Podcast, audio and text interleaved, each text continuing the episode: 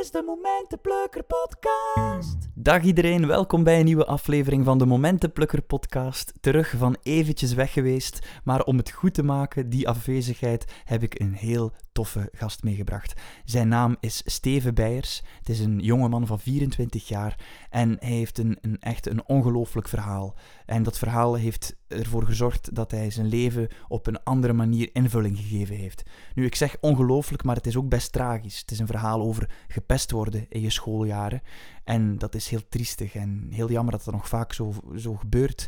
Maar in zijn geval hij is daar heel veerkrachtig en, en sterk en creatief uitgekomen. Het is echt bewonderenswaardig wat die man nu allemaal doet. Hij is ontmoetingsreiziger. Hij reist overal ter wereld naartoe om mensen te ontmoeten. Hij lift daarbij heel vaak. Hij heeft de laatste vier jaar maar liefst 40.000 kilometer gelift. Dat is het equivalent van één keer rond de wereld gaan. Dus dat is een ongelooflijk strafverhaal. Hoe hij eigenlijk die tragedie heeft kunnen omvormen tot iets moois.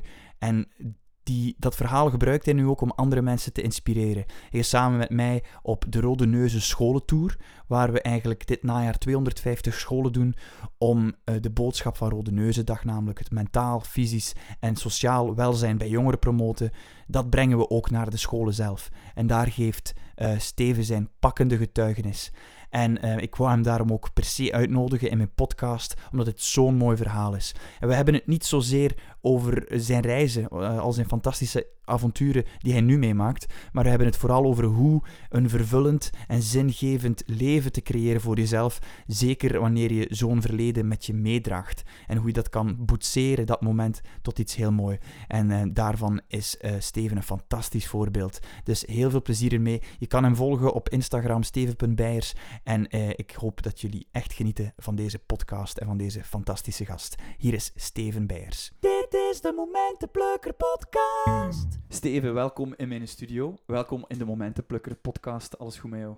Alles helemaal goed met mij, Arne. Dankjewel. Oké, okay, eerst even uitleggen voor de luisteraars hoe we op elkaars pad gekomen zijn. We werken samen. We zijn op dit moment de Rode, scholen, de Rode Neuzen Scholentour aan het doen. Kan je even uitleggen wat wij aan het doen zijn nu? Uh, het is goed, dat zal ik even doen. Um, we werken samen voor Rode Neuzendag, mm -hmm. eigenlijk. En daarvoor gaan wij, uh, reizen we eigenlijk heel Vlaanderen door. Um, op bezoek bij verschillende scholen om daar te praten over het, um, ja, het versterken van de mentale vaardigheden bij kinderen en het mentale welzijn vooral. En vooral om te laten zien dat het oké okay is om emoties te hebben en dat iedereen daar aanwezig met een rugzak zit. Dus steek jezelf niet weg en doe die rugzak eens open en praat eens over uw, ja, over, over uw emotionele last. Ja. Al dan niet. Ja, en ik presenteer die scholentour en jij bent dan mee als een soort van getuige. Want jij hebt zelf, en daarom dat ik je ook in de podcast wil vragen, je bent vroeger zwaar gepest geweest. Uh, ja, dat klopt. Ja, ja oké. Okay. Nu ben je iemand geworden, een jonge gast die superveel reist. En vandaar ook dat dat zo resoneert bij mij. Je noemt jezelf een ontmoetingsreiziger. Wat is dat eigenlijk? Een ontmoetingsreiziger is iemand die, wel heel simpel gezegd, reist om ontmoetingen aan te gaan. En ik zeg het op die manier, omdat voor mij het enige wat ik wil halen uit mijn dag is eigenlijk de genuine human connection. In het, in het vrij Nederlands betaald, iemand ontmoeten op een heel ja, genuine manier. Hoe vertaalt je in Nederlands? Een, een menselijke manier. Ja. Zonder maskers, zonder iets. Een authentieke manier. Authentiek, dat is het woord. Ja, ja correct. Ja. En um, je, je hebt ongelooflijk veel gereisd al. Want hoe oud ben je nu? Uh, ik ben nu 24 jaar. Ja. En uh, hoeveel keer ga je dan zo per jaar op reis? Of, of hoeveel um, reizen heb je al oei. gedaan? Ik uh, denk dat je beter kunt vragen hoe vaak ik op een jaar thuis ben, eigenlijk. um, veel dus. Ja, ja heel veel. Ja. Mm -hmm. um, ik ben nu vijf jaar geleden gestopt met studeren. En mm -hmm. toen ben ik begonnen. En um, sindsdien was ik ja, in heel veel verschillende hoeken van de wereld. En ik uh, ben nog niet echt klaar, denk ik. Oké, okay, superleuk. Want deze zomer ben je gaan liften. Hoeveel kilometer heb je gelift? Uh, 5500 kilometer op de kop, ja. Oké. Okay. En um, ja, de reden dat je gaan liften bent, de reden dat je gaan reizen bent, dat heeft allemaal te maken met jij die vroeger gepest werd. Um, dat dacht ik in het begin niet. Mm -hmm. um, dat wil je ook niet toegeven aan jezelf. Maar uh, ik denk dat er nu, als ik erop terugkijk, ook door heel school tour te doen, om te kunnen praten over mijn rugzak, dat er inderdaad wel wat mee, mee te maken had. Ik had al snel door, of ik had al het gevoel dat ik in België niet helemaal mijn draai vond, mm. maar ik had wel die grote, intense ja, verlangen naar het zien van de wereld en naar mensen tegemoetkomen en eens te kijken wat er achter, achter dat, dat, dat gordijn zit waar wij in leven. Achter Ja. dat, dat doek van hoe is het daar in Azië, hoe is het daar in Zuid-Amerika. En Ja. ik ben bewust de landen gaan opzoeken die niet leken op België. Je hebt een brief geschreven die ik ook soms mag voorlezen in de scholentour. En die laatste zin is: Beschouw mijn reizen maar als een amicaal inhaalmanoeuvre. Wat bedoel je daarbij?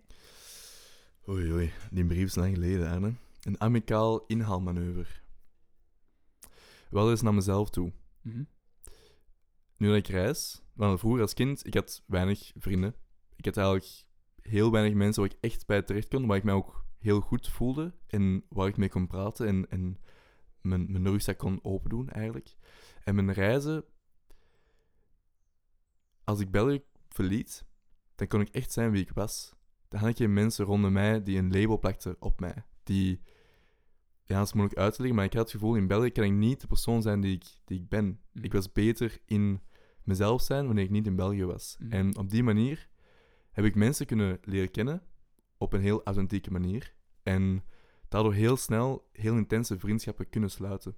Ja. En op die manier een inhaalmanoeuvre, omdat ik nu eigenlijk een wereld vol vrienden heb. Ja. En dat is een heel groot verschil met vroeger. Ja, vroeger was het anders. Kan je even je verhaal doen? Ja, ik zal het, eh, ik zal het in het kort doen. Ehm wat ik was negen jaar toen ik op school terugkwam in september. En ik, ja, ik merkte dat ik eigenlijk niet zoveel vrienden had. Dat de kinderen rondom mij wel vriendengroepen begonnen te sluiten, want dat is de leeftijd dat kinderen dat beginnen doen.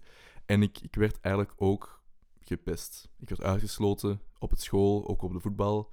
Eh, ik werd heel vaak ook gewoon genegeerd. Er werd een beetje gedaan alsof ik niet bestond. En er werd ook al wel eens mijn broek afgetrokken of uitgelachen tijdens een spreekbeurt. ehm, en, en gemene dingen gezegd. En dat bleef ook aanhouden in het middelbaar. Waar er ook wel fysiek geweld bij aan te pas kwam. Dus het beste escaleerde eigenlijk een beetje. Tot ik uiteindelijk, wanneer ik 15 jaar was, naar een nieuwe school ging. En op de een of andere manier voelde dat ik sterker stond in mijn schoenen. Dat ik eigenlijk, ik was het beu om constant als slachtoffer te zijn van gepest te worden. En misschien kon ik er wel iets aan doen. Mhm. En vanaf het derde middelbaar ben ik eigenlijk niet meer gepest geweest. Ben ik ook iets meer mezelf gaan durven zijn. En heb ik laten zien aan mensen dat het mij eigenlijk helemaal niet uitmaakt wat ze van mij denken. Mhm. Dat ik gewoon lekker mezelf ben en eh, dat dit deugt. Dus ehm, ja, in een notendop mijn eh, schoolcarrière. Ja. Ja, je zegt eh, dat je opeens beslist hebt om geen slachtoffer niet meer te zijn van pesten. Is dat iets waar dat je wel degelijk een beetje een keuze in hebt? Dat is een heel moeilijke. dat is moeilijk, hè? Ja, er komen mensen naar mij die zeggen dat hun zoon wordt gepest, of dat ze zelf worden gepest en ze vragen naar mij tips. Ehm, maar dat kan ik eigenlijk heel moeilijk geven, want elke situatie is ook anders. Ja. Ehm, er zit een heel grote dynamiek in van op welke manier Mhm. worden ze gepest. Is het vooral psychologische oorlogvoering en u doen voelen dat je geen mens bent? Of is het u uitleggen bij alles wat je zegt in de klas? Ehm, je kunt op heel veel verschillende manieren omgaan met de manier waarop dat je wordt gepest. En heb je daar altijd goh, de kans in om te veranderen? Dat weet ik niet. Ja. Ik geloof dat ik geluk heb gehad. Ja. En dat, ehm, dat toch veranderen van omgeving, veranderen van school, een heel goede keuze was. Mhm. En als het pesten al lang aanhoudt op een bepaalde plek, dan is het heel moeilijk om daar uit te komen. Want mensen zien u dan ook als die jongen die wordt gepest. Ja. En je ziet u zelf als die jongen die wordt gepest. Maar door te veranderen van school, Mhm. kun je toch een ander beeld creëren van jezelf. Ja. Dan speelt je sneller op de bal. En dat is waarschijnlijk dan ook de reden waarom hij zegt, in België kon je moeilijk jezelf zijn, omdat je iedere keer geconfronteerd wordt met een beeld die mensen al van jou gemaakt hebben, waar hij zelf weinig nog kan in creëren of zo. Dat klopt, ja. Ja. Ehm, wel, ook wanneer ik niet werd gepest. Ik was altijd wel wat drukker daarnaast, omdat ik... Ja, ik, ik had een heel groot gevoel van, van onbegrip van de wereld naar mij toe. Want ik werd voor een heel lange tijd gepest over waar ik kwam. En ik was ook een beetje drukker thuis. En goh, dan was ik thuis ook maar altijd de drukste. En ik, ik had ook het gevoel dat er niet naar mij werd geluisterd. Ehm, juist door het beeld dat mensen van u hebben die al, die al heel lang kennen. En Ja. dat was moeilijk te veranderen. En ehm, werd jij op- een beetje opgevangen door jouw ouders thuis? Hadden zij begrip voor de situatie? Of onderschatten ze dat? Ik geloof dat het... ehm, ik voelde heel veel onbegrip. Ik, eh, zoals tevoren gezegd, ik was een beetje drukker thuis als ik terugkwam van school. Ik was ook heel droevig. En ik, eh, ik, voor het kleinste zou ik eigenlijk snappen. Ehm, ik had ook een oudere zus thuis. Dus met haar maakte ik heel veel ruzie. En, en dan ben ik eigenlijk ook maar gewoon gestraft thuis. En ik heb het wel verteld aan mijn ouders. En ik vertelde wel vaak dat ik werd gepest. En er was dan ook wel begeleiding voorzien op school. Wat dan wel goed was. Daar hebben mijn ouders voor gezorgd. Maar dat was niet genoeg. En volgens hun was dat voor een lange tijd wel genoeg. En moest ik maar doorbijten en flink zijn. Dus op die manier hebben ze niet altijd begrepen hoe erg het was voor me. Maar uiteindelijk was het ook gewoon zo dat ik nooit echt heel openhartig er over kunnen praten. Dat het heel moeilijk was. En nu op deze manier, of nu, op deze leeftijd, kan ik dat wel. En begrijp ik ook mijn ouders wanneer zij zeggen van ja, ik, we wisten het niet. Of we dachten dat het wel zou overgaan. En ja, Ja. nu is het beter. En herinner je je nog de eerste keer dat je je echt gehoord voelde? Hmm. Door mijn ouders? Door je ouders, ja. Toen ik terugkwam van een lange reis, 2017, dus niet zo lang geleden, Mhm. en vrij lang na het beste, was ik bij een, goh, bij een heel speciale vrouw. Eigenlijk mijn tweede moeder hier in België. En ehm, zij doet hypnoses en, en een beetje een alternatieve wereld, al alternatieve weg ingegaan. En ik heb mijn moeder meegenomen, omdat deze vrouw heel veel voor mij heeft betekend. En mijn moeder ook wel van deze alternatieve weg zou kunnen, ehm, kunnen genieten, kunnen profiteren. En daar kwam het aan bod. Daar hebben we over gepraat. En dan heb ik heel mijn hart ook kunnen uitluchten bij Claire. Dat is de Mhm. tweede vrouw die er was. En mijn moeder was erbij. En toen merkte ze ook van, oké, ik heb het nooit echt op deze manier gezien. Ja. En ik begrijp je ook veel beter. Mhm. En ze heeft toen ook haar excuses aangeboden en gezegd dat ze, dat ze wou dat ze beter mij had kunnen opnemen. Mhm. Ehm, maar ik denk dat we elkaar allebei heel goed begrijpen nu. En dat ik ook eigenlijk... Ik, ik verwijt mijn moeder of mijn ouders ook helemaal niks, want ze kunnen zoveel voor u doen. Op, uiteindelijk moet je toch zelf de touwtjes in handen nemen. En zij kunnen niet voor zorgen dat de kinderen in de school u niet pesten. Nee, dat is waar. Ik denk dat het ook niet makkelijk is om, om als kind zelf de taal daarvoor te vinden van hoe communiceer ik dan aan mijn ouders. Dat je misschien zelf, allee, dat, dat je zegt, dat je dat pas achteraf goed kan inzien vanuit een beetje vogelperspectief misschien, hoe dat alles in elkaar zit, dat onbegrip dat je voelde, die boosheid, dat, dat verdriet. En je zegt dat je dan ehm, bij eh, Claire dan ehm, een, beetje een tweede thuis ook vond.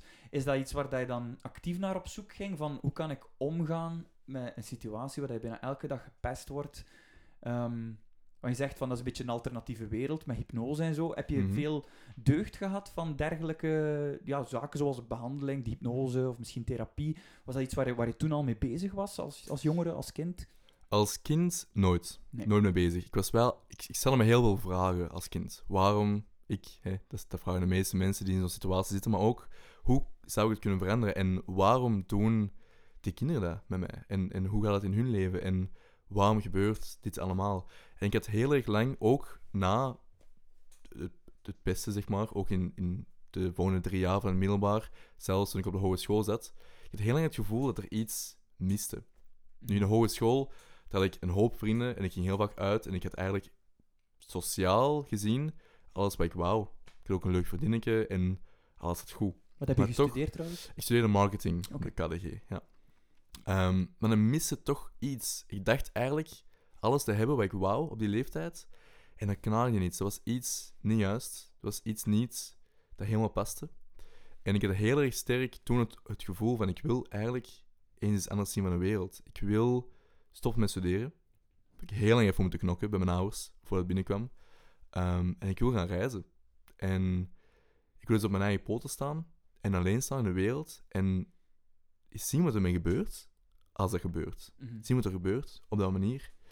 En toen heb ik eigenlijk door dat reizen, eh, de goedkoopste vlucht was naar India.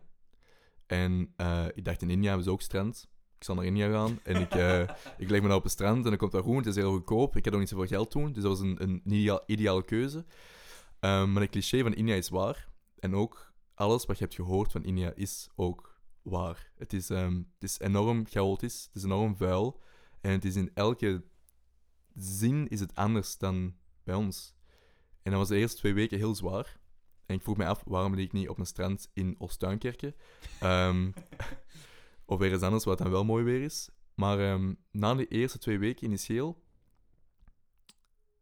had ik dat gevoel in mezelf niet meer dat er iets miste. Dat gevoel begon weg te gaan. Ik kreeg een soort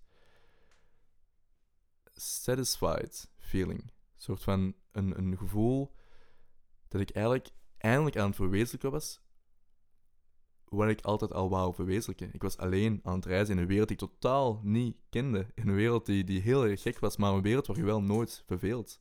Je staat in de file omdat er een olifant op straat ligt. Ehm, en uh, uh, je komt altijd een, een, hoop koeien tegen dat je vooral niet mocht aanraken, want het is een heilig dier. En, en de mensen hebben hun eigen manier van doen en laten, maar ze zijn wel allemaal heel erg vriendelijk. Iedereen lacht naar u, iedereen geeft u een hand en iedereen wil met u praten op straat. En dat is eigenlijk heel erg fijn. Um, en op die manier ben ik ook iets meer naar die alternatieve kant toegetrokken geweest. Een gevoel van, oké, okay, er is wel veel meer aan de hand. Maar India is inderdaad ook een heel spiritueel land. Dus Absoluut. Waarschijnlijk ja. daardoor ook, ja. Voilà, het is de spirituele hub van de wereld, zeggen ze. Um, en van India ben ik ook naar Nepal gereisd. Um, heel spontaan. En daar was dan alles veel rustiger. Nog steeds chaotisch op een bepaalde manier, maar veel rustiger. Mensen zijn rustiger. En ik had er tijd om eens na te denken. En um, ik voelde mij gewoon heel rustig van binnen. Ik voelde mij heel goed. En ik heb toen voor mezelf gemerkt dat alle dingen die ik wou in mijn leven, dat die eigenlijk maar een beetje opgelegd waren van de maatschappij waarin wij leefden. Want ik wou ook wel een goede job. Ik wou heel veel geld verdienen. Mijn vriendin moest vooral heel erg knap zijn. Boven alles moest ik knap zijn. En um, dat zijn vrij... Oei. Dat zijn vrij oppervlakkige dingen. En ik heb toen gemerkt dat eigenlijk wat ik wil, is juist de juiste mensen hebben rondom mij en iets kunnen teruggeven aan de wereld. En um, ik had altijd gedacht dat ik, dat ik op een of andere manier de wereld zou veranderen. En dat dat mijn doel was, want ik moet toch de wereld veranderen. Impact um, maken. Impact maken, inderdaad. En ik merkte toen dat dat kan. Je kunt de wereld veranderen. Je kunt eigenlijk je eigen persoonlijke wereld veranderen. Je kunt niet de hele wereld als een geheel gaan veranderen in je eentje. Dat is heel moeilijk. En dan ja, dat gaat niet. Maar we beseffen niet wat voor een grote impact we hebben op de onmiddellijke wereld rondom ons. En dat zijn de mensen waar wij dagdagelijks mee te maken hebben. Ik heb toen besloten dat ik eigenlijk alles zou inzetten om de mensen rondom mij gelukkiger te maken. Want ik voelde in mezelf dat er af en toe iets miste, maar het is vooral een glimlach van een vreemde of een compliment op mijn broek die ik juist heb gekocht. En ik, ik zag ook aan mezelf dat als ik wandel over straat, wanneer je terug bent in België of zo, dat we daar veel te weinig doen. Dat ik denk van, mij, die man heeft echt een toffe t-shirt aan. En ik zou willen weten van wat hij heeft. En nu heb ik besloten om dat gewoon te gaan zeggen. Prachtig. Ik zeg van, hey, uh, hashtag no homo, maar je hebt echt een toffe t-shirt aan. En uh, je mocht dat weten. En ik heb ook besloten om in een in de winkel, het zijn kleine dingen, nooit de self-scan-kassas te gebruiken, maar naar de kassen te gaan waar een persoon aan zit. Want die persoon zit er wel. En ik zou die job zelf niet zo heel graag doen. Maar ik kan wel impact hebben op deze persoon. Ik kan eens een praatje maken. Ik kan eens vragen hoe het de dag is geweest, of als ze nog lang moet werken, en hoe het vandaag gaat. En dan zuchten ze samen toe eens en dan zeggen ze... Dan, dan openen ze een klein beetje van de rust en zeggen oh, vandaag is eigenlijk wel moeilijk. Ja, ik heb een zwaar weekend gehad. Oei, oké, tof. Ja, uh, ik hoop dat alles beter gaat. En ik heb, hey, uw shift is gedaan in twee uur met de sluit de winkel, dus dan kun je daarna misschien een goed bed pakken. Dat is fantastisch. We zijn vreemden voor elkaar, maar op een heel authentieke manier kunnen we heel menselijk met elkaar omgaan. En je deelt een stukje energie, ja. maar je krijgt er heel veel voor terug. Ja. Um, dus ik heb besloten eigenlijk sindsdien dat dat het belangrijkste is. Ja. Dat elke dag wanneer ik opsta, dat ik mijn best doe om geluk te delen. En de momenten waarin het mij het meeste doet, is, zijn de momenten wanneer ik zelf niet zo gelukkig ben. Ja. Um, dus ja. Dus ja. die, die, die houding van momentjes plukken is eigenlijk ontstaan, dat inzicht is eigenlijk gekomen door die reis naar Nepal dan. Absoluut, ja.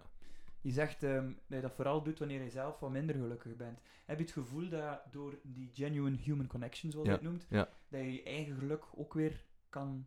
Absoluut. De bron weer vindt? 100% zeker. Ja. Het, is, um, het is eigenlijk een soort van negatieve spiraal waar we vaak in zitten. Mhm. Wanneer we ongelukkig zijn, hebben we niet zoveel energie. En we willen vooral dat alles naar ons toe komt. En we willen vooral dat wij, dat wij ons goed voelen. En als je dan aan het rijden bent, bijvoorbeeld, dan gaat je vooral niet stoppen van die ene auto die van die straat van rechts komt, want je wilt toch wel juist een beetje sneller thuis zijn. Mhm. Ehm, en je wilt er ook vooral in een winkel allee, de snelste kassa pakken, want het moet allemaal vooruit zijn, je wilt er weg. En je wilt vooral heel voor jezelf. Maar dan komt je een soort negatieve spiraal terecht, omdat je zo gewoon op die, op die moment niet zo'n chill vibe hebt. Dat, we, dat zouden we zeggen in de jeugd. Ehm, je bent niet zo relaxed. En dat komt ook over op andere mensen. Goh. Het is eigenlijk wanneer we ons niet zo goed voelen, dat wanneer we op die manier, op die moment, iets doen voor iemand anders, om een andere persoon gelukkig te maken, dat we zelf beseffen dat we eigenlijk alles ook in onze handen hebben.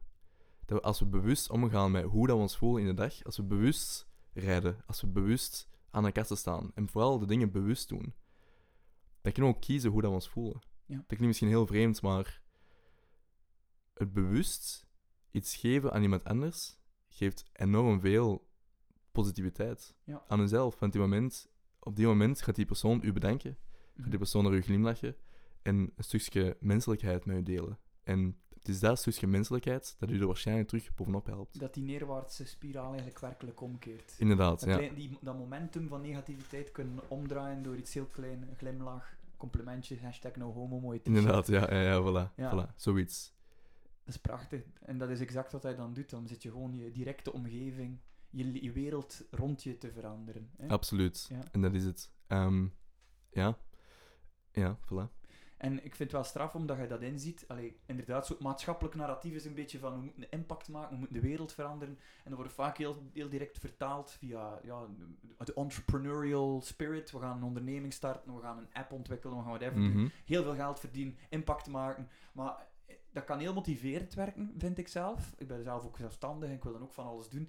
Maar al vlug heb je door van als er daar niet iets een klein stapje eerst, zo de directe omgeving eerst, dan wordt het al snel een hol concept. Zo de wereld veranderen. Maar Mhm. het, het stapje tussen hier en je kamertje zitten en de wereld, daartussen zitten er zo een miljoen kleine stapjes. En ik vind dat wel straf dat je dan dat je dat voor jezelf wel ingezien hebt van nee, begint je wereld veranderen is eigenlijk eerst die, die vreemde mens, vreemde mens, die vriend dat je nog niet kent, eh, iets, daar iets tegen zeggen en zo. Dat is wel een krachtige ehm, ehm, inzicht, vind ik. En voel je je ook nu dat je daar een beetje toe geroepen bent om daar die boodschap te verspreiden ook? Of, of heb je gewoon zoiets van, ik wil dat gewoon leven, die filosofie? Want uiteindelijk is wel die boodschap verspreiden wat je nu doet voor de scholentour. Ja, dat klopt. Dat klopt. En ik geloof eigenlijk dat die boodschap zichzelf verspreidt. Ehm, ik wil die filosofie leven. En door die filosofie te leven, geloof ik eigenlijk dat de mensen naar wie ik lag op straat, zo het van, ah ja, vroeger deden wij dat ook. Ik ga ook eens lachen naar iemand. Of ik ga ook eens iemand een compliment geven. Het is door... Wanneer mensen zich goed voelen, zijn ze echt heel erg gemotiveerd om dat te verspreiden. Ja. Ehm, en je steekt eigenlijk een kaarsje aan dat zichzelf, of van zichzelf, de kaarsen naast hen ook gaan aansteken. Dus op die manier verandert je wel de wereld. Want mijn onmiddellijke wereld is veranderd, of ik probeer het te veranderen, constant, elke dag opnieuw. Ehm, maar die mensen hebben ook allemaal hun wereld. En die, als zij zich goed voelen, gaan zij dan ook hun onmiddellijke naasten willen gaan ehm, ja, content maken. Ja. En dat is eigenlijk een soort ripple effect, een soort golf in de oceaan, waarin ik hoop dat die eigenlijk dan de hele wereld rondgaat. En als we allemaal een klein beetje meer zorg dragen voor elkaar en ja, dat, dat authentieke gaan opsporen in mensen, Mhm. dan, dan gaat eigenlijk heel snel gebeuren. Dus ik heb een, eh, mijn favoriete quote is Humankind, be both. Dus Prachtig. humankind, ehm, wees allebei. Wees menselijk en wees gewoon, vooral heel vriendelijk Ja, voor elkaar. Ja. prachtig. Zeg, ehm, hoe komt dat eigenlijk dat je geen bittere mens geworden bent? Ik wil zeggen, je hebt zoveel meegemaakt. Je hebt echt... Heel, het is zwaar gepest geweest. Ehm, ze hebben zelfs je haar in brand gestoken. Allee, ik wil zeggen, je kon daar ook anders uitgekomen zijn. Er kon iemand geweest zijn die zich voor altijd wegsteekt in zijn schulp. Die heel veel wrok koestert. Ehm, Ook, ik vraag me dan af, weet jij dat van jezelf, wat dat ervoor zorgt dat je zoveel veerkracht hebt en dat je nu zo'n positieve, mooie mens geworden bent? Dat is een heel goede vraag. Ehm, ik, eh, ik ben nog niet echt uit wat mijn intrinsieke motivatie geweest is om die betere mens te worden. Maar misschien, misschien juist wel omdat ik altijd wist dat het gewoon mogelijk is om gelukkig, gelukkig te zijn. Ehm, ik ben eigenlijk lang naar op zoek geweest. In de hele periode door dat ik gepest werd, ben je naar op zoek geweest. Van, wat maakt mij gelukkig? En kan ik dat wel zijn? En is het wel mogelijk om te zijn? En ook na het beste, zeg maar. Met mijn eerste vriendinnetje en met mijn eerste groep maten en al die leuke dingen gaan doen. Miste ik het ook nog een beetje. Van, oei, rationeel gezien heb ik alles wat ik nodig heb en wat ik zou willen hebben. Ik ben toch niet gelukkig. En dan, heel cliché, gaat je naar India, gaat je naar Nepal, gaat je in de Oosterse visie een beetje rondhangen. En dan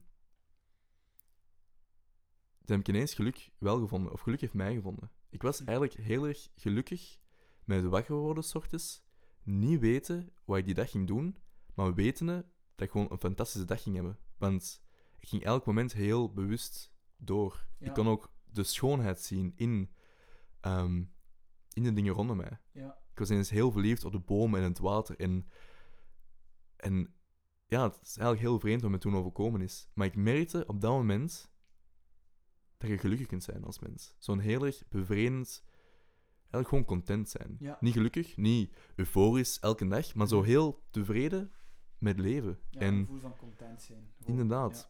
Ja. wat je doet op dat moment. En dat is eigenlijk ook een beetje wat ik graag zou willen verspreiden. Ja. Ik, vond, ik vind het zo mooi dat je zegt van... Ik heb altijd al geweten, of ik wist altijd wel dat ik gelukkig kon zijn. Ja, En ik hoop echt dat jouw boodschap en wat dat je doet, dat dat voor iedereen duidelijk mag zijn. Dat ze dat weten. Dat jij daar het levende bewijs van bent. Je kunt content zijn. absoluut. En ook al is het nu misschien zo kak. allee, ik, ik, kan, ik, kan, ik kan... Soms denk ik dat ook van... Mocht ik terug kunnen keren naar de Arne van 13 jaar, van 14 jaar... Mhm. En gewoon tonen van Arne van 31, die, die kan zeggen, het is oké, kijk naar mij nu. Of kijk naar, het komt nog allemaal toffe dingen. Maar ja, soms zit je dan als jongere, zie je dat even niet. hè. Je zit zo in een, een andere situatie. En ik denk dat dat zo mooi is dat je dan als getuige van die situatie kunt tonen van, je kunt altijd wel gelukkig zijn. Dankjewel. Dat is heel schoon. Ik denk, één ding wat mij ook gemotiveerd heeft, is eigenlijk heel hard mijn best doen. Om overal, op welk moment, wel het goede te zien. Mhm. Zeg maar, een positieve mindset is eigenlijk heel belangrijk om uit een negatieve situatie te komen. Want ik geloof heel erg sterk dat, dat als je positieve ding- dingen denkt, of ehm, ja, eigenlijk een positieve kijk hebt op alles, dat dan ook vanzelf positiever zal worden. En ik herinner me heel goed als klein kind dat, ook al werd ik gepest, er was waarschijnlijk wel eens een dag wanneer ik niet werd gepest, of wanneer ik met mijn ouders eh, ging wandelen in het bos en een hele leuke dag had, dat ik s'avonds in mijn bed lag en ik toen gelukkig kon zijn of, of blij was met de dag. En toen heb ik dat heel hard gevoeld. En ik mezelf verteld hoe dankbaar ik ben om deze te kunnen voelen. Want ik weet dat het misschien op een andere dag anders kan zijn. Maar dan moet ik ook onthouden dat ik nu in mijn bed heb gelegen en dat ik wel gelukkig was. Dus dat geluk ook wel zal terugkomen. Ja, prachtig. En dat is inderdaad niet altijd even simpel. Eh, zeker niet als het al een hele tijd lang doorgaat. Mensen die, die, die depressief zijn, bijvoorbeeld. Mhm. Ehm, maar ik denk dat echt een, een positieve mindset Ja. dat heel veel, heel veel kan doen. Als je jezelf vertelt van, hey, de wereld is wel mooi. Ja. De herfst is fantastisch. De bladjes zijn zo mooi aan de bomen. En oh, er was iemand die dat ik niet kende vandaag, maar die lachte naar mij. Dat is fijn. Of eh, iemand anders heeft mij een complimentje gegeven op mijn t-shirt. Dat is ook heel tof. Ja. En dat je focust aan de goede dingen in je dag. En je kunt ze altijd vinden. Ja. Of dat je gewoon al blij kunt zijn dat je leeft. En dat is heel moeilijk. Zeker als je in een, in een, in een iets donkere periode zit. Maar het is juist focussen op dat licht dat je er gaat uittrekken. Mhm. En je zegt van, toen dat je dan in eh, India zat of in Nepal, Ja. dat voor de Mhm. eerste keer zo echt rustiger werd en nu, en hij zo voelt van, dit is het, ik mis dit niet meer. Ja. Heb je dan, had je dan daarna direct door van, oké, dit kan ik meenemen naar huis in mijn leven, verder leven ook zo thuis? Of had je toen het gevoel van, ah, ik moet daarvoor allee, even heel de wereld zien en verder reizen? Of hoe ging het dan verder? Ik wou sowieso nog verder reizen. Ja. Want reizen gaf me echt een goed gevoel. En ehm, ik ben toen wel naar huis gegaan, want mijn geld was op. Ja. Dus ik moest, eh, ik moest even werken Mhm. om te kunnen reizen. En ik ben naar huis gegaan met dat gevoel. En ik heb dat heel lang kunnen houden. Maar je komt wel in een soort patroon terug terecht. Nu, in India en Nepal, er is amper alcohol. Dus je drinkt er ook geen alcohol. Ehm, je gaat eigenlijk gewoon vroeg slapen, je staat vroeg op. En eh, je bent in de natuur elke dag. Dat zijn allemaal dingen die, die ik ook achteraf geleerd heb, die heel gezond zijn. En u, u letterlijk ook gewoon ophemelen. En nu in België, ik woon net dus op beton. En, ehm, en hier is wel alcohol. En je bent terug in België en je gaat al heel snel iets drinken met je maten.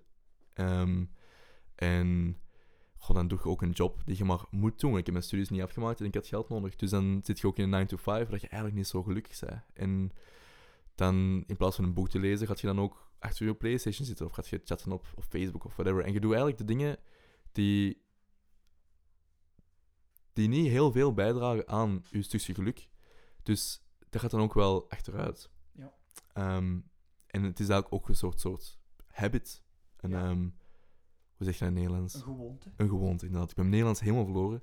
Ehm, het is een gewoonte dat je creëert van jezelf. Om, om dat stukje comfort op te zoeken. Omdat we toch ons niet altijd helemaal goed voelen. Maar als we achter een tv hangen met een zak chips, dan voelen we ons wel goed. Ja. En nu is eigenlijk voor mij nog steeds de challenge om die levenskwaliteit ook in België te kunnen behouden. Ja. Om ook hier te komen en heel hard op zoek te gaan naar wat is het waar ik voor uit bed, eh, uit bed wil komen elke dag en wat mij gelukkig maakt, Mhm. dat mij energie geeft Mhm. en ehm, dat ook mijn, mijn leven in stand kan houden. Dus ik moet er ook voor betaald worden, bijvoorbeeld. Ja. Ehm, en dat is een, dat is een opdracht. Ja. Ehm, voorlopig werk ik daar part-time aan. Dus af en toe kom ik terug in België, zie ik hoe het hier gaat. Heb ik een paar leuke projectjes, zoals nu ook Rode Neuzen. En dan, daarna ga ik terug reizen. Ja. En doe ik tijdens het reizen iets leuk. Ja. Het is wel de bedoeling om terug te komen in België. En hier eigenlijk gewoon te profiteren van alle vruchten die ik heb geplukt. En van alle manieren die ik heb gevonden om gelukkig te zijn. En die dan te kunnen delen met mijn vrienden en mijn familie. Mhm. Ehm, want ik wil zeker niet weg. Ik wil er echt wel wonen en blijven. Ja. Ehm, maar dat hoeft ook niet nu. Nee, snap Ja. ik. Ja. Ik vind het ook heel mooi dat je dat zegt van... Je komt dan terug in België en hier heb je bijvoorbeeld wel alcohol. En eh, je zit dan in een job dat je wel doet voor geld te verdienen om weer op reis te zijn, maar je zit even in die mal van een, een, een, ko- een kooi, een comfortabele kooi Mhm. misschien. Veel mensen die je kent hebben een bedrijfswagen en heel goede vergoedingen allemaal. En dat is comfort, dat is niet echt gelukkig zijn soms, maar dat is, dat is comfort. En zo druppeltje per druppeltje word je eigenlijk zo, ja, eh, ja poison dripping heet dat dan in Mhm. het Engels, zodat je druppeltje per druppeltje zo verdoofd wordt of zo. En, en ineens zit in een comfortabele bubbel en merkt je, mocht er is vijf jaar gepasseerd. Of, Ja. of zo. En je bent niet echt ongelukkig geweest, maar er is ook geen pieken en dalen geweest. En ehm, ik heb een vriend, een artiest, en die zegt van, Arne, geef mij koud, geef mij warm, maar geef mij nooit lauw. En ik heb dat altijd onthouden. Zo, als, alsof dat leven een bad is. Geef me Mhm. koud, en ik, ik kan me dan voorstellen, de, de vreselijke situatie dat hij meegemaakt hebt als gepest zijn. Geef mij warm, de intense gevoel van op reis te zijn en nieuwe mensen te kennen, maar niet dat lauw daartussen. Want lauw is zo'n beetje dat verdoven, hè. En ehm, denk je dat, dat, dat, dat, dat het mogelijk is om een leven te leven hier in België zonder dat je te verdoofd geraakt? Het is heel erg mooi dat je dat aanhaalt, want er zijn heel veel mensen rondom mij die ik op, zich niks mis mee met vijf jaar te laten passeren en niet ongelukkig zijn. Dat is eigenlijk gewoon prima. Ik bedoel, er gebeurt ook altijd wel veel in dat vijf jaar. Wordt eens een keer verliefd of je gaat een, een, een stap verder met je vriendin. Het maakt dan niet uit. Ehm, maar ik ken dat verdovende wel. Ik heb ook vrienden die aan mij vertellen dat ze niks meer kunnen voelen. Het is eigenlijk zoiets hè, van ja, de dingen laten mij eigenlijk een beetje koud. Ja. Ik weet dat ik normaal gezien wel zou genieten van die schone wolken daar met die zonsondergang, maar ik voel dat niet. En ik heb een heel erg leuk project en ik doe het wel en ik doe het goed, maar ik voel het niet. En ik geloof dat heel veel mensen verdoofd zijn in die comfort dat ze hebben, maar ook gewoon omdat ze niet al te veel bezig zijn met waar, waar ze echt bestaan. Ja. Het is meer een, eh, een soort ja, zorgen dat we leven en dat we ons leven onderhouden.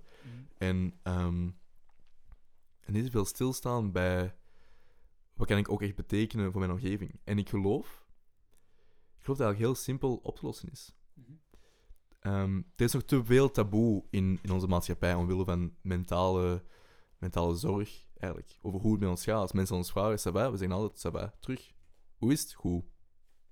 Klaar. Ehm, nu, ik wil niet zeggen dat we tegen elke vreemde persoon op straat moeten gaan zeggen dat het vandaag niet goed gaat en dat we ons Ja. beklag willen doen, want mensen gaan ook niet willen horen. Maar wel dat we eigenlijk gewoon toch die kleine dingen doen. Dat we dat complimentje uitdelen. Dat we eens lachen aan de kassierster. Ja. Dat we onze gedachten eens uitspreken op straat. Ja. Als we iets moois zien, dat we die schoonheid delen. Ja. Dat we die mensen die dat verdoofd zijn, stiltjes aan terug kunnen doen voelen. Ja. Ehm, en ik geloof heel sterk dat dat kan. Ja. Eh, in de psychologie zijn er twee dingen dat ze zeggen die, dat, die dat je nodig hebt om echt gelukkig te zijn. Dat is belonging, ehm, dus ergens bij horen, en purpose, een doel. En belonging is voor mij hier, bij mijn familie zijn, bij mijn vrienden zijn, een leuk plekje hebben, huisje, tuintje, kindje, hè, voor veel Ja. mensen. En purpose is eigenlijk gewoon de reden waarom dat jij opstaat uit je bed, Ja. s ochtends. En ik weet dat voor heel veel mensen hun job niet hun purpose is. Ja. Dus hun purpose krijgt dan een klein beetje tijd naast hun job, dat ze dan nog overhouden, om dan hun muziek te oefenen, of om dan hun theater te gaan volgen, Mhm. of, eh, Mhm. of, of iets, iets leuk te doen. Maar hun job zelf is niet hun purpose. En daarom missen ze juist een beetje die swing in hun leven. Ja. Omdat ze wel acht uur per dag die job moeten doen. En dan, dan dat vraagt ook heel veel energie. Ehm dat vraagt energie om op te staan, s ochtends, en hun job te doen. En dan s'avonds, ja, er blijft niet veel over van die energie om nog die glimlach te doen aan de kassierster. Om nog een complimentje te geven. Mhm. Ehm, maar ik geloof dat het mogelijk is. Ja. Als mensen ook durven te gaan voor wat zij denken dat hun gelukkig maakt. Ja. En dat is dan een heel grote stap. Dat is dan niet meer klein. Ja, ik denk letterlijk dat dat omgekeerd is van het comfort. Ja, Samen met die glimlach, samen met die compliment van een schone t-shirt, ja. zit een gevoel van oncomfortabelheid. Hè? Dat is ook. werkelijk een beetje uit de comfortzone dat je geïnstalleerd hebt. Maar het is net in dat oncomfortabel zijn dat er een kans zit om een beetje betoverd te geraken. Een Absoluut. kans om een beetje wakker te maken. Absoluut. En het is net als gezegd, je moet durven gaan voor wat dat je gelukkig maakt. Ik denk dat je dat kunt oefenen, net zoals dat hij dat zo schoon zegt, door die kleine dingen te doen, door een onmiddellijke omgeving, al is maar een glimlach naar de kassierster, ook als hij daar een beetje bang voor stelt dat ze niet teruglaat. Inderdaad. Ja. En dat zijn kleine dingen die in het begin bijna onoverkomelijk lijken, zeker als je op het eind van je dag geen energie niet meer hebt. Ehm, maar dat is, dat is zo mooi dat je het dan via die hele kleine dingetjes misschien kan ombuigen. Dat moet daarvoor niet gaan zijn van ik wil direct mijn job laten vallen en de muzikantencarrière doen. In de wereld gaan rondreizen. Nee, ja, dat moet Nee, helemaal niet klopt. zo groot. Allee, ik denk echt dat het gaat, zoals gezegd, over die negatieve spiraal. Ja. Met kleine dingetjes toch weer naar iets positiefs. Je kunt niet van 0 naar 100 gaan. Je hebt nogal die 99 stapjes daartussen. Dat is zo schoon dat je dat zegt. Inderdaad. Ja. En je, je kent dat stemmetje in mijn hoofd. Dat stemmetje in mijn hoofd dat zegt van, ach, Steven, doe dat nu niet. Ga nu niet naar die man, ga nu niet naar die kassierster, zeg dat nu niet, want die zamer is zo kunnen reageren. De zamer is met haar ogen kunnen draaien. En dan, waarom heb je het dan gedaan? Ja. Mhm. Maar, zoals dat je dat juist echt heel mooi hebt gezegd, het is, het is eigenlijk wanneer we juist uit onze comfortzone stappen, dat we dat stukje magie echt wel kunnen vinden. Het is juist door dingen te doen die dat we anders niet zouden doen, dat we merken van, oei, dat was eigenlijk wel tof. En dat deed wel iets met mij. Dat is eigenlijk wel fijn om te doen. Ehm, en dat heeft een heel erg positief effect. Ja. Ehm, en ik geloof ook, wat dat heel belangrijk is, is intentie. Als we de knapste kassierster gaan uitkiezen in de lijst, om dan daar een complimentje aan te geven, dan zit die intentie ook niet helemaal juist. Omdat je dan iets verwacht van die andere persoon. Ja. Maar op het moment dat wij een wildvreemde iets gaan zeggen over een t-shirt, moeten we eigenlijk helemaal niks terug verwachten. Hoop niet dat die persoon u een lach of een hand teruggeeft, want dat is niet waarom je het zou moeten doen. Want die persoon kan eigenlijk op die moment zo vastzitten, zo slechtgezind zijn, dat dat vanuit niks komt voor die persoon, dat hij ook gewoon zegt van, oh, wat gebeurt er nu? Mhm. En u geen reactie teruggeeft. Ja. Maar weten dat je wel iets goed hebt gedaan. Dus uw intentie zou altijd moeten zijn van, ik geef je een stukje liefde. En die persoon, die mag ermee doen wat hij wilt. Mhm. Maar ik heb het wel gegeven. En ik had, eh, ik had er moeite mee. In, ik heb een, in tijd in Zwitserland gewoond. En, ehm, en ik vond dat in Zwitserland de mensen eigenlijk zo een beetje nors waren. Zo nog een beetje norser dan in België. En ik, eh, ik waaide dan wel eens naar mensen op straat en ik kreeg altijd geen why terug, heel vreemde blikken, dat eigenlijk meer energie van mij trok dan, dan, dan, dan ik kreeg. Ja. Maar mijn intentie was eigenlijk, omdat ik heel graag wou dat ze me, naar mij terugwaarden. Ik wou, ik, ik moest absoluut iemand hebben die naar mij terugwaarde en ehm, die dat mij ook een stukje liefde teruggaf. En dat was verkeerd. Doe die kleine dingen met liefde, zonder er iets voor terug te verwachten. Want het is juist op die manier dat er ook niks negatief kan gebeuren. Ik denk ook dat, ehm, dat je daarin eigenlijk een beetje de essentie aankaart van wat dat je, de twee visies dat je kunt hebben van liefde. Mhm. Eh, het verschil tussen voorwaardelijke liefde en onvoorwaardelijke Inderdaad, liefde. unconditional. Ja, Ja. dat is het. En vaak gaat dat over eh, de voorwaardelijke liefde van binnen een relatie, een onvoorwaardelijke Ja. relatie, maar zelfs, allee, je kunt niet leven zonder relatie, zelfs al gaat- staat aan de kassa op dat moment, is er een relatie tussen hij en uw kassierster. Zelf beslist je ervoor om niet elkaar zo te kijken, zelfs dan beslis je dat is de relatie. Je Klopt. kunt niet helemaal terugtrekken. Een mens is niet gemaakt voor allee, een kluizenaarsbestaan te hebben. Ehm, misschien sommige mensen wel, maar toch niet allee, hoe dat ik het aanvoel. En ehm, ik vind het dan ja, zo schoon dat je zegt van als je dat in jezelf weet wat dat die intentie is, dan gaat dat potteke niet leeg raken. Ja, den duur zeg je dat Mhm. dat meer energie kost dan dat geeft. Ja, Maar dat is ook om dan moet je, moet je zelf een keer onderzoeken van verwacht ik misschien iets terug. En ehm, ik, ik heb dat ook bijvoorbeeld dan als ik zing. Vaak heb ik zo ah ja. dat je een optreden heeft en dat je dan... Als ik nou op het einde voel van ben leeg, dan heb ik het gevoel van shit, ik heb het gedaan enkel voor een app- applaus te krijgen. En een heel goede remedie daarvoor is voor mij, ik ga heel graag op straat gaan spelen. Dan als het, als het doet voor het applaus of als het doet voor appreciatie, dan stopt het na een half uur. Omdat je heel vaak heel weinig reactie krijgt. Maar het is gelijk dat je zegt, soms zitten mensen zo opgesloten in hun wereld, dat je niet een reactie ziet, dat ze misschien wel even "Oh," zich voelen van, amai, er is hier, dat heeft mij wel liefde gebracht, maar je ziet die reactie niet direct. En ik vind dat een hele mooie, bijna spirituele oefening om, om te geven zonder te verwachten dat je iets terugkrijgt. En als je dat dan doet, op die onvoorwaardelijke manier, dan, dan voel je alleen maar dat liefde eigenlijk het enige is dat niet... Als het geeft, dan vermindert het niet. Dat vermeerdert het alleen maar. En dat gaat over een soort vorm van echte liefde, denk ik. Hè? Absoluut, absoluut. Het is het geven van een stukje onvoorwaardelijke liefde. En dat is eigenlijk juist zo mooi. Van weten dat je dat kan geven. En je zegt eigenlijk zonder woorden van hey, dit stukje liefde is voor jou. En het maakt niet uit of dat je mij nu iets teruggeeft of niet. Voel je niet verplicht. Want het is van jou en je mag ermee doen wat je wilt. En dat zeg je zonder woorden. En als, ze dan, als het aankomt en mensen hebben zoiets van oh, dit is echt heel fijn, dan leggen ze terug. En dan zeggen ze dank u. En als het mensen zijn die, die misschien echt heel diep zitten, die zullen het ook wel aankrijgen. Maar die, die hebben vaak het gevoel dat ze het niet verdienen of zo. En dan Mhm. gaan ze ook niet dank u zeggen of terugleggen, maar dan gaan ze er eigenlijk eerst mee zitten. Maar ik geloof dat de mensen zijn die geen reactie teruggeven, dat die het eigenlijk het allerhardste nodig hebben. Maar laten we dan ook niet in de put zinken. Als ze niks terugzeggen, als ze niks terugleggen, als je geen stukje liefde terugkrijgt, die mensen hebben nodig. Ja. Ze hebben dat stukje gehouden Mhm. en ze hebben dat nodig. Dus het was goed om dat te doen. Heel mooi wat dat je zegt. Vaak is het inderdaad de mensen dat je denkt van, hier krijg ik minst van terug, die het eigenlijk het meest nodig hebben. En ik Absoluut. denk dat met die mensen is dat je zelf voor jezelf ook meest... dat je op die manier ook werkt aan jezelf. Door met zo'n mensen te werken, doordat je niet direct iets terugkrijgt, dat je ook weet van waar zit mijn intentie, is het een intrinsieke motivatie. En ehm, zeker als je, zoals jij ehm, wel zelf meegemaakt hebt, als je zelf van ver komt, een situatie van het gevoel misschien van ik verdien dat misschien niet, dat compliment, ik verdien dat niet, die glimlach, dat zal misschien niet voor mij bedoeld zijn. Net die mensen hebben dat nodig. Absoluut. En je zei daarnet, ehm mensen hebben twee dingen nodig voor, voor gelukkig te zijn, hè, belonging en purpose. En ik zou er graag nog eentje aan toevoegen, denk ik, dat ook er echt bij hoort, en dat is eh, betovering, allee, enchantment. Mm, een gevoel mhm. van, wat hij daarnet zo mooi zei, van de herfst is zo mooi, die blaadjes aan de bomen en allemaal. En dat je zegt, ik, ik heb vrienden die, die niet meteen die wolken, die mooie wolken kunnen zien, die schoonheid.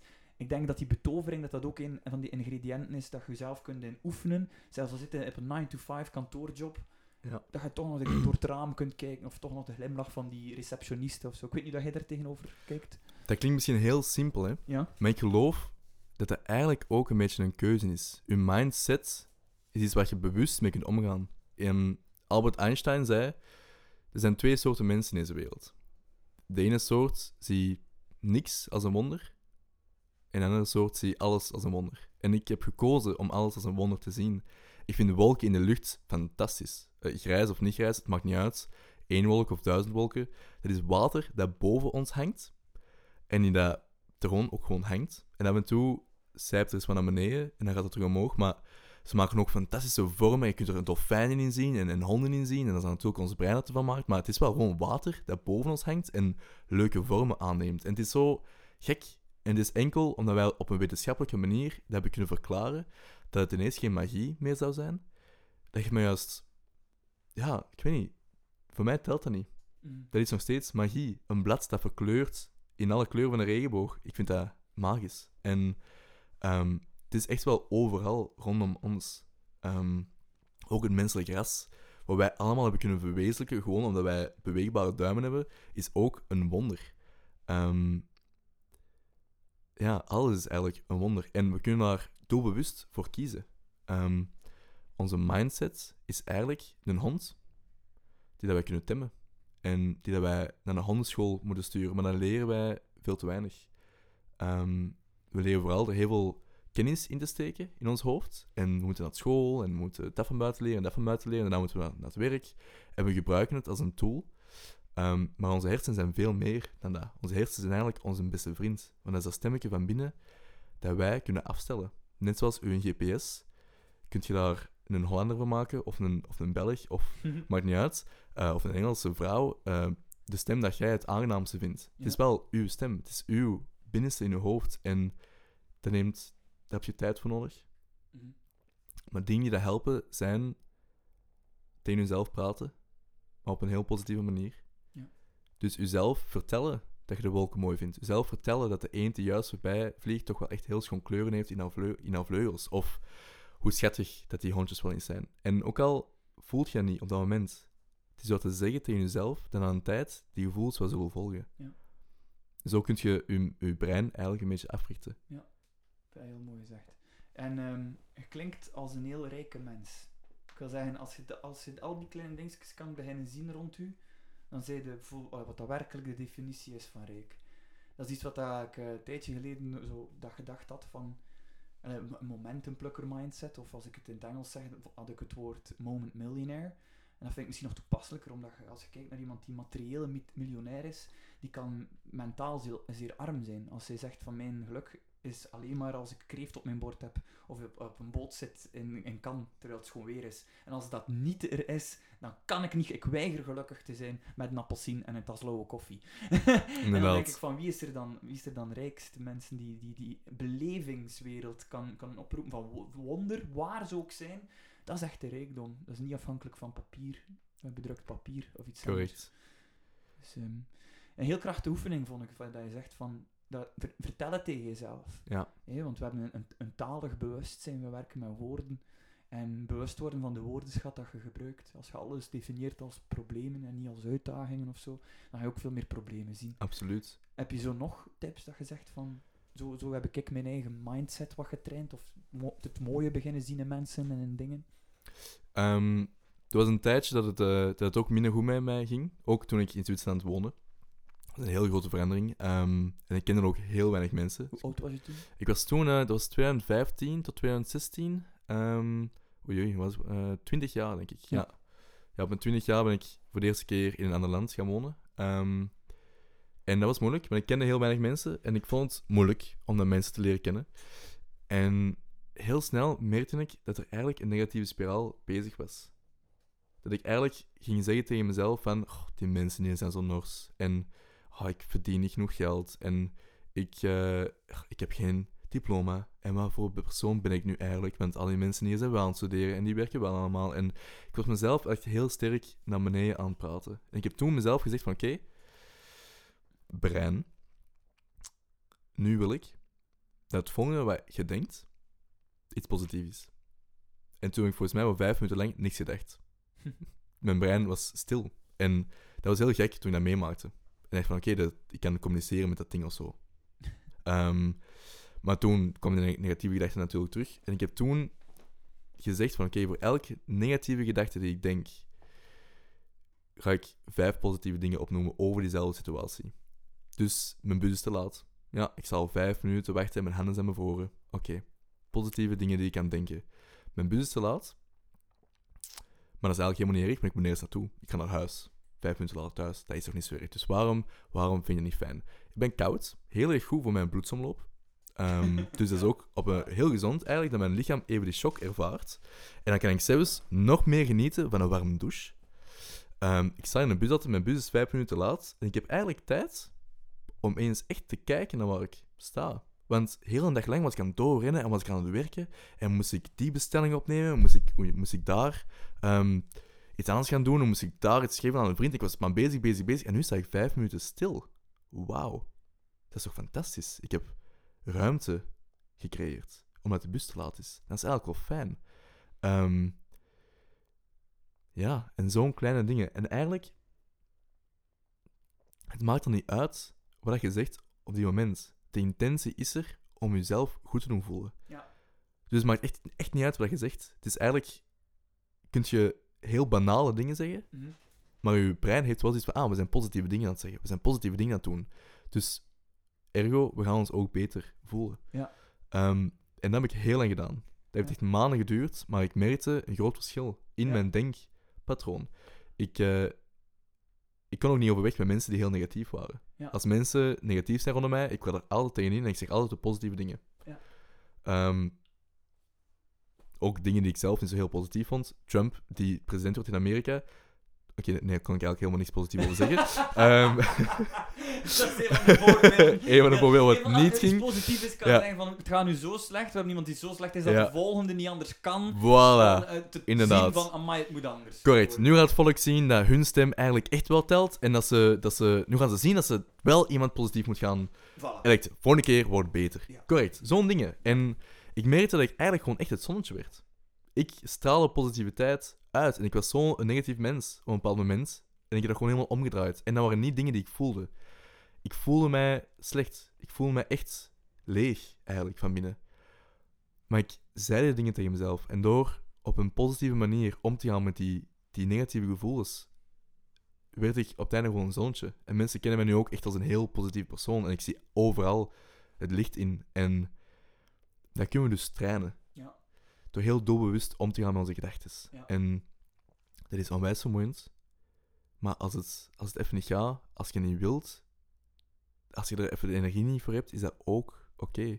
Want weet dat altijd alles oké is. Het ergste wat je kunt doen, is ambetant worden op jezelf, omdat je ambetant bent. Ja. Dat gebeurt ook heel veel. Van, oei, Meta-ambetant. Inderdaad. Meta-ambetant. Ja. ik ben ongelukkig. Ah, waarom ben ik zo ongelukkig? Ah, ik ben echt een loser voor ongelukkig te zijn. Ik heb toch alles wat ik wil in mijn leven. Maar nu ben ik, ah, ik voel me toch niet goed. En, allee, jong. Snap je? Dan ben je gefrustreerd Je over zei- je ongelukkig zijn. Voilà. En dan word je... over je frustratie. over je Voilà, voilà. zijn. En dan gaat je verder en verder en verder en verder en verder de put in. Ja. Dus weet, af en vandaag voel ik me niet goed. En dat is oké. En weet je, ik ga eens vandaag gewoon echt naar hele droevige liedjes luisteren. En ik ga ervan genieten. En ik ga aardig zijn tegen mezelf, want ik, want ik voel me niet zo goed vandaag. Maar ik ga vooral niet op mezelf vitten. En dat is ook al een heel belangrijke.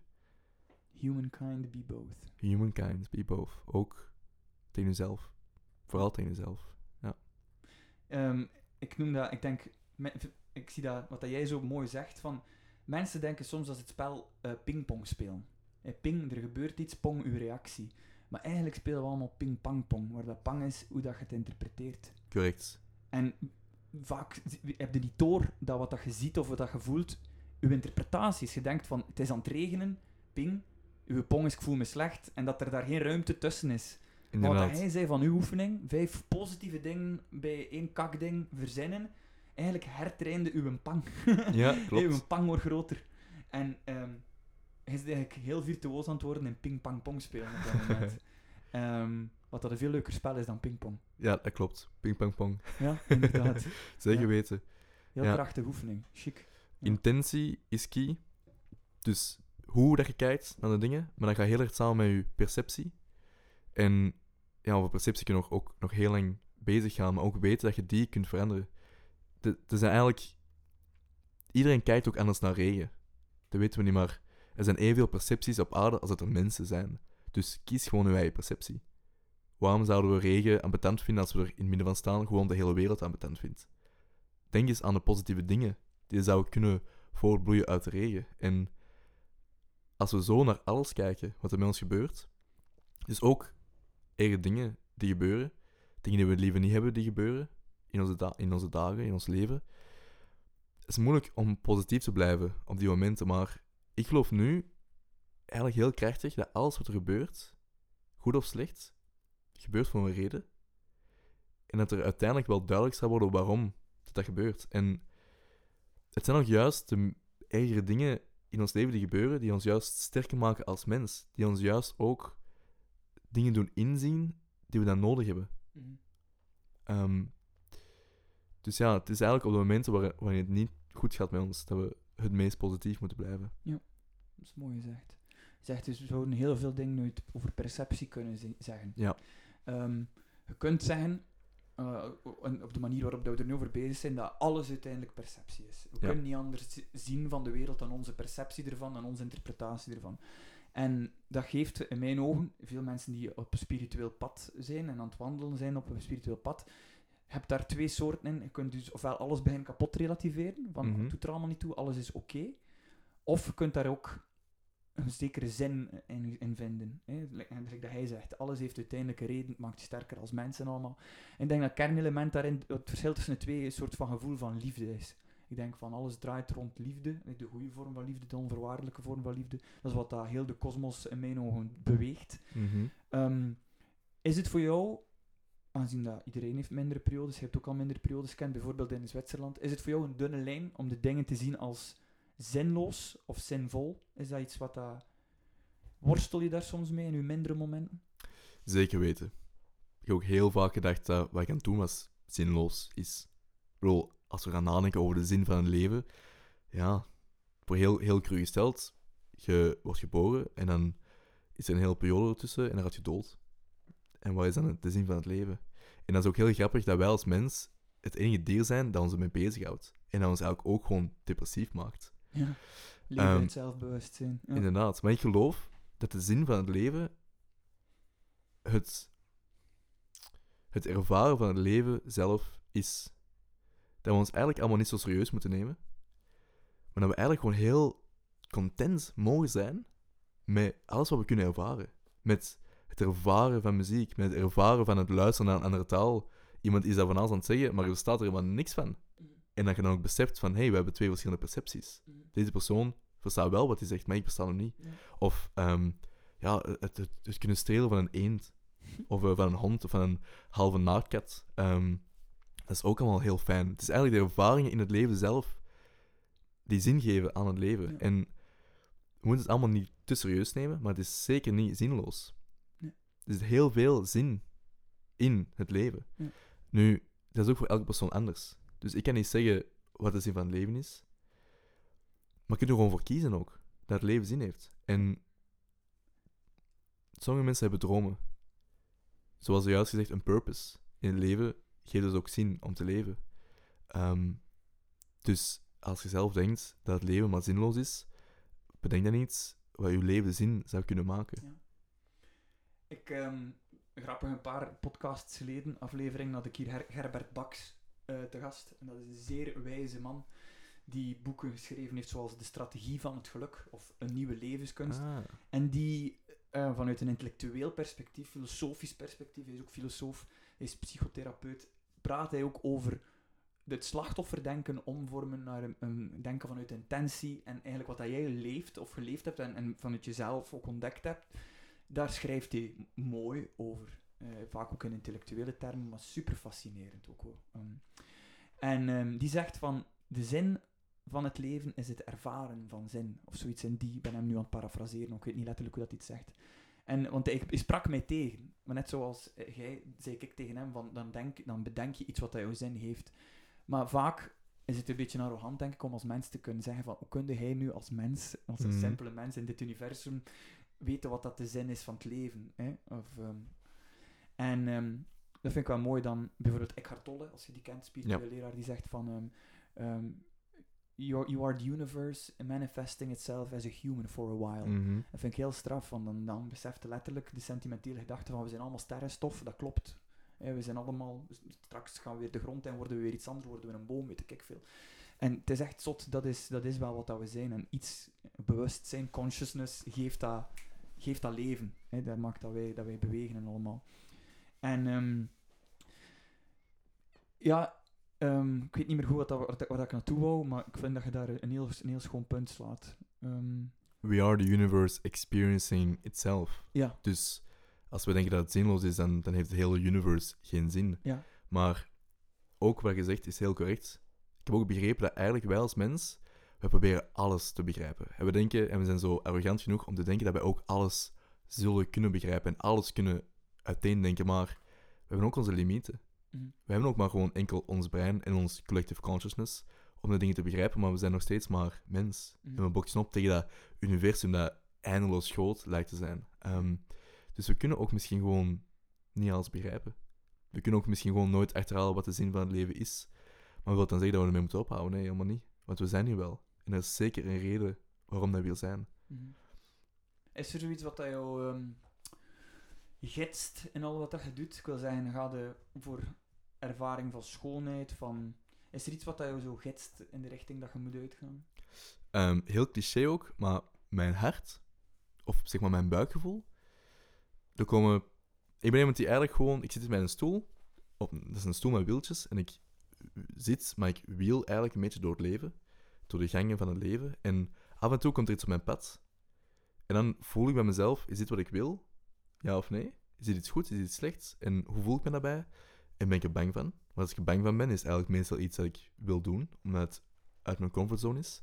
En dan zeg ik er ja tegen. En dat gidst mij op een heel fijne manier, omdat ik eigenlijk zelf heel weinig moet gaan verwezenlijken. Ik ben geen manifester, ik ben geen persoon die, die, die, als vrijdagavond is en ik wil graag een feest. Ik ben niet de persoon die een feest gaat maken. Ik ga op straat en ik zie waar een feest is en dan nodig ik mezelf uit. Ik, eh, Prachtig. en, en zo ga ik elke beetje door het leven. Dus ik voel eigenlijk gewoon mijn buikgevoel, een soort intuïtie, die mij vertelt van ja, dit is leuk, dit is niet leuk. Mhm. Iemand stelt mij de schooltour, ehm Rode Neuzendag, dat is mij voorgesteld geweest en ik voelde heel sterk van ja, ik wou eigenlijk deze twee maanden terug naar Nepal gaan, maar dit is, een, dit is iets dat me eigenlijk bang maakte om te doen. Want het is mijn, mijn rugzak opentrekken en praten over mijn verleden, eh, wanneer ik werd gepest, is waar ik niet zo heel graag over praat. Maar ik voelde heel sterk van ja, dit wil ik doen. En ik begreep op die moment nog niet precies waarom.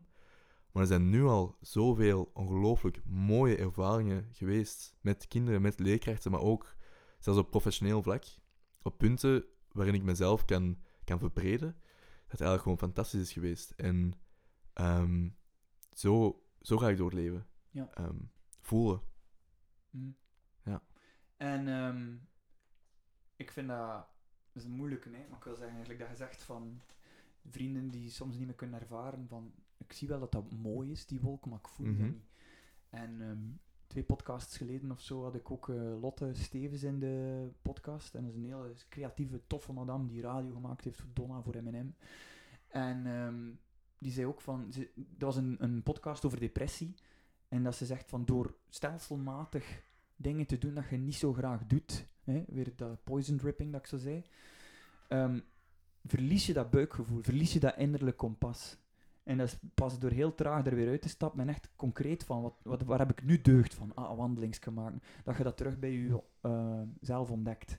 Is dat iets wat hij bewust, be- bewust bewaakt, nu dat je weer dat, dat buikgevoel zo goed duidelijk voelt?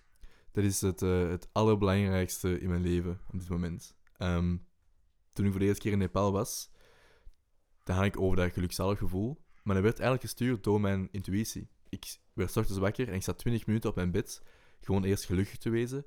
En daarna ging ik naar buiten en mijn intuïtie vertelde mij waar ik naartoe moest. Dus op een heel sterke manier, op een heel spirituele manier eigenlijk, ging dan juist het exacte café in om dan juist deze persoon te leren kennen of om zelfs op een heel gekke manier ehm, mensen te leren kennen waar ik de nacht ervoor van had gedroomd. Dus op die manier, intuïtie kan heel veel doen, kan heel veel betekenen. Ehm, en toen ik terugkwam in België, is dat inderdaad verdwenen geweest.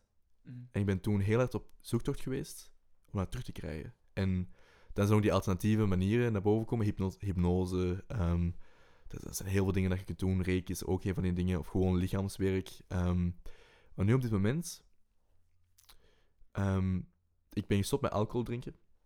ik geloof dat er mensen zijn die heel intuïtief kunnen zijn, ook met alcohol, maar voor mij werkt het niet.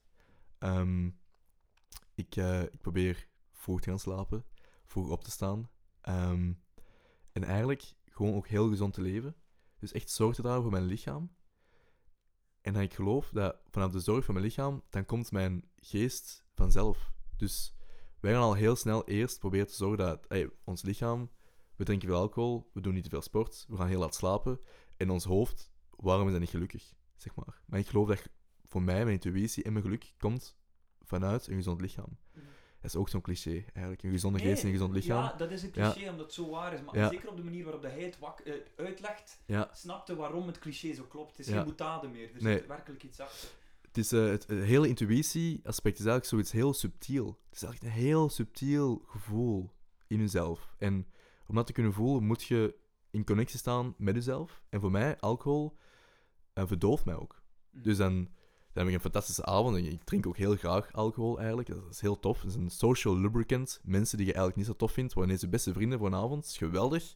Ehm, maar de dag daarna de week daarna ben ik minder in touch met mezelf, met hoe ik me voel. En dat vind ik heel lastig dan. Want dan heb ik ook keuzestress. Ik weet niet welke kant ik moet opgaan, want ik, ik voel mezelf niet meer. En, ehm, en ook met, met ongezond eten heb ik dat ook. Wanneer ik mezelf dan niet zo goed voel in mijn, in mijn, in mijn vel, dan, dan zijn die gevoelens sterker dan mijn intuïtie. Ja. Dus intuïtie is eigenlijk iets heel erg klein, subtiel. ehm, ja. Waar je, waar je voor moet zorg dragen. Ja, dat is mijn baby eigenlijk. Ja. Je klinkt alsof dat je er alles aan doet om jezelf niet te verdoven. Niet met alcohol, niet met slaaptekort, ehm, niet met ongezond eten. En dat allemaal om eigenlijk die intuïtie te kunnen voelen eigenlijk. Omdat dat heel snel verdoofd raakt door het gevoel van stress, door te veel denken, door zoiets. Ja, absoluut. Ja. absoluut. Ehm, ja, correct. Dus ook als ik geen goede slaapkwaliteit heb, dan, ehm, dan ben ik ook meer gestresseerd de volgende dag. En op die manier ben ik ook minder vrijgevig met de energie die ik heb. Dus val ik al heel snel in dat patroon van niet vriendelijk te zijn, of gewoon normaal te zijn, of, of zeg maar heel neutraal tegenover de mensen rondom mij. Of ehm, ehm, niet een compliment te geven. En het is dus niet enkel voor intuïtie, maar ook gewoon voor my well-being. Eigenlijk dat gevoel van, ik ben wakker, ik ben fit en ik wil er tegenaan, ik ben gemotiveerd om iets te maken van mijn leven. En op het moment dat ik dan... Ik ben jong, ik, eh, ik, ik eet nog heel graag fritten. Ja. Ik, ik, eh, als ik een, een, een, een avond heb met mijn vrienden en wij praten tot drie uur s'nachts, zo be it. Dat is oké, tuurlijk. Ik, eh, ik wil vooral niks weerleggen. Ehm maar ik merk dat wel, heel sterk. Als dat gebeurt. Ah, maar ik denk, nu dat je zegt van ik eet graag frieten, of ik, Ja. zit, ik zit, het is niet zo strikt van sorry, het is drie uur s'nachts, maar ik moest al drie uur slapen. Nee, natuurlijk niet. Nee. En ik denk dat daar een verschil ligt tussen hebt zo twee, twee soorten van mindset en coping en thriving. Copen is zo zeggen van, van ah, ik zit, ik zit met stress, ik kan Netflix opzetten, ik kan mezelf verdoven met een pintje, Mm. met een serie, haha, hoe lachen, niet denken aan mijn zorgen, dat is kopen. Maar je kunt ook hetzelfde doen, een pintje en Netflix, vanuit thriving, vanuit Yes. bloeien. En Yes. ik denk dat je bij elke keuze dat je maakt kunt zeggen, doe ik dit om te kunnen omgaan, eh, oh, verdoven met mijn situatie, of doe ik dit vanuit een soort van bloeien, vanuit oprecht. En ehm, misschien is daar ook dat- wel een beetje dat, dat buikgevoel voor nodig. Hè? Voilà. Want je kunt jezelf heel snel wijsmaken van, ehm, ik ga op vakantie, omdat ik wil bloeien. Voilà, ik ga, veel, eh, ik ga me amuseren, ik ga vrienden leren kennen, maar eigenlijk doe je uit een soort van escapisme. Inderdaad. en er Ja, ja, toch iets ja. negatiefs achter. Correct. En ehm, ik denk dat dat soms heel moeilijk is om dat van jezelf in te zien, wanneer dat je iets doet, al kopend of al thrivend. Hè? Dat is zeker waar. Zelfkennis. Daarin is intention dus ook heel belangrijk. Ehm, en ook, als je bijvoorbeeld frieten eet, het, het ergste wat je kunt doen is, of een hamburger of zo, is tegen jezelf zeggen, oh nee, ik ben al zo dik en ik zou dit eigenlijk helemaal niet moeten eten, maar het staat er nu al, dus ik zal het maar eten. En eigenlijk niet tevreden zijn met wat je eet. En dan eet je die gevoelens ook. En je intentie om dat pak friet te eten, is eigenlijk dan, op dat moment zit dat niet juist. Maar als je zelf zegt van, hé, hey, weet je wat? Ik ga een hamburger wel eten. En ik ga er keihard van genieten. En ik weet eigenlijk dat het niet goed is voor mijn lichaam, maar weet je wat? Het is goed voor mijn ziel. Ik word er gelukkig van. Dat maakt niet uit. Ik, Amen, brother. ik doe dat gewoon even en dat is oké. En weet je wat? En morgen eet ik dan wel sla. Dat is oké. Maakt niet uit. En ehm, dus ook op die manier, die positieve kijk. Ehm, er zijn dingen waar ik iets minder positief naar kijk. Naar alcohol, bijvoorbeeld. Maar ik kan nog steeds heel erg hard genieten van, van wijn. Maar nu, op deze manier, drink ik geen fles wijn meer. Op twee uur tijd. Om zat te worden. Ik drink een glas wijn. Ja. En ik drink een glas wijn op een uur tijd. om zeg maar, die wijn te kunnen genieten. En, Ja. ehm, en op die manier is het helemaal prima om alcohol te drinken. Ehm, het gaat om je intentie ook. Maar ik zou niet meer drinken zoals vroeger. Elke week zat worden. Ja. En één fles of twee flessen wijn leeg drinken om zat te zijn. Ja. Maar dat is self-destruction. Ja. ja. Alcohol is iets zot, hè. Ik, ik zelf geniet ook van een goed pintje en Ja. zo. En ehm, ja, het is het is social lubricant, hè. Je zit eigenlijk een beetje je denken uit te schakelen om dan weer in... Ah, voelt je even op dat moment wat meer, ja, ik weet het niet, beter of zo. Mhm. Eh, Maar ehm, ja, terug om naar die Eckhart Tolle te gaan, die zei ook mooi over alcohol. Dat zorgt er eigenlijk voor dat je onder je denken terechtkomt, maar je kunt ook boven je denken terechtkomen. En denken is wanneer je te veel piekert en te veel in je hoofd zit en mhm. allemaal. En eh, het klinkt alsof er iemand zit die zoekt om, om dat denken deel te maken van jezelf, maar daar ook vooral boven te leven. Die intuïtie daar nog boven te kunnen plaatsen of zo. Ik geloof dat ik de beste persoon op aarde ben wanneer ik niet denk. Wanneer ik eigenlijk gewoon niet denk. En helemaal werk vanaf mijn buikgevoel. En ons, onze hersenen zijn eigenlijk maar een machine om problemen op te lossen. Dus we, zijn ook niet, we zouden niet zoveel moeten denken als dat we nu doen. Allee, dat geloof ik dan toch persoonlijk. Ja. En onze, onze natuurlijke staat van zijn is een staat van relaxed zijn. Van relaxatie. Wanneer we echt heel erg ja, relaxed zijn eigenlijk, ontspannen, dan zijn we juist de persoon die dat we zijn. Maar heel vaak zijn we dat niet. Want we denken aan de dingen die we moeten doen in de toekomst, of die stomme dingen die we hebben gedaan in het verleden. En daar spreekt Eckhart Tolle ook heel hard over. Power of Now. Het zijn in het moment. En om echt, echt, echt in het moment te zijn, bent je eigenlijk ook niet aan het denken. Want je brein kan alleen maar denken in de toekomst of denken in het verleden. Ehm, of toch voor 90% vooral zo. Ehm, dus ja, het overstijgen van mijn denken op de manier van ik wil eigenlijk vooral niet te veel denken. En wanneer ik denk, laat dan iets positiefs zijn. Mhm. Heb je een of andere formele practice dat je doet? Zijn iemand die bewust bezig is met meditatie, die bijvoorbeeld met die hypnose om de zoveel weken daar een sessie voor boekt? Heb je bepaalde dingen dat je doet? Ehm, ja, ik, eh, ik probeer telkens opnieuw ah, nee, meditatie. Mhm. Ehm, ik zeg proberen, want het, ik vind het moeilijk. Ik, eh, het lukt wel, maar dan ook maar voor een bepaalde tijd of zo. Ik kan niet voor een lange tijd mediteren, maar ik merk dat het wel helpt. Dus meditatie helpt zeker. Ehm, vlak voordat ik ga slapen doe ik dat vaak. Om eigenlijk sowieso al heel rustig in bed te gaan. Ehm, en even gewoon de dag te overlopen in mijn hoofd. En dan zit je natuurlijk wel aan het denken. Maar dan gewoon dingen af te sluiten. Zoals op je computer de tabbladen die nog openstaan wegklikken. Op een leeg desktop te- terechtkomen. En dan gewoon tegen mezelf zeggen van oké, ik wil graag gaan slapen. Nu ga ik slapen. En ik ben ontspannen. En dan scan ik ook mijn hele lichaam. Dat doen ze heel veel begeleide meditatietechnieken. Doen ze dat, dan gaan ze je hoofd naar, naar je voeten. En ik scan mijn hele lichaam en ik voel van oké, hoe voel ik mij? En gewoon door die vraag te stellen, hoe voel ik mij? Voelt je jezelf?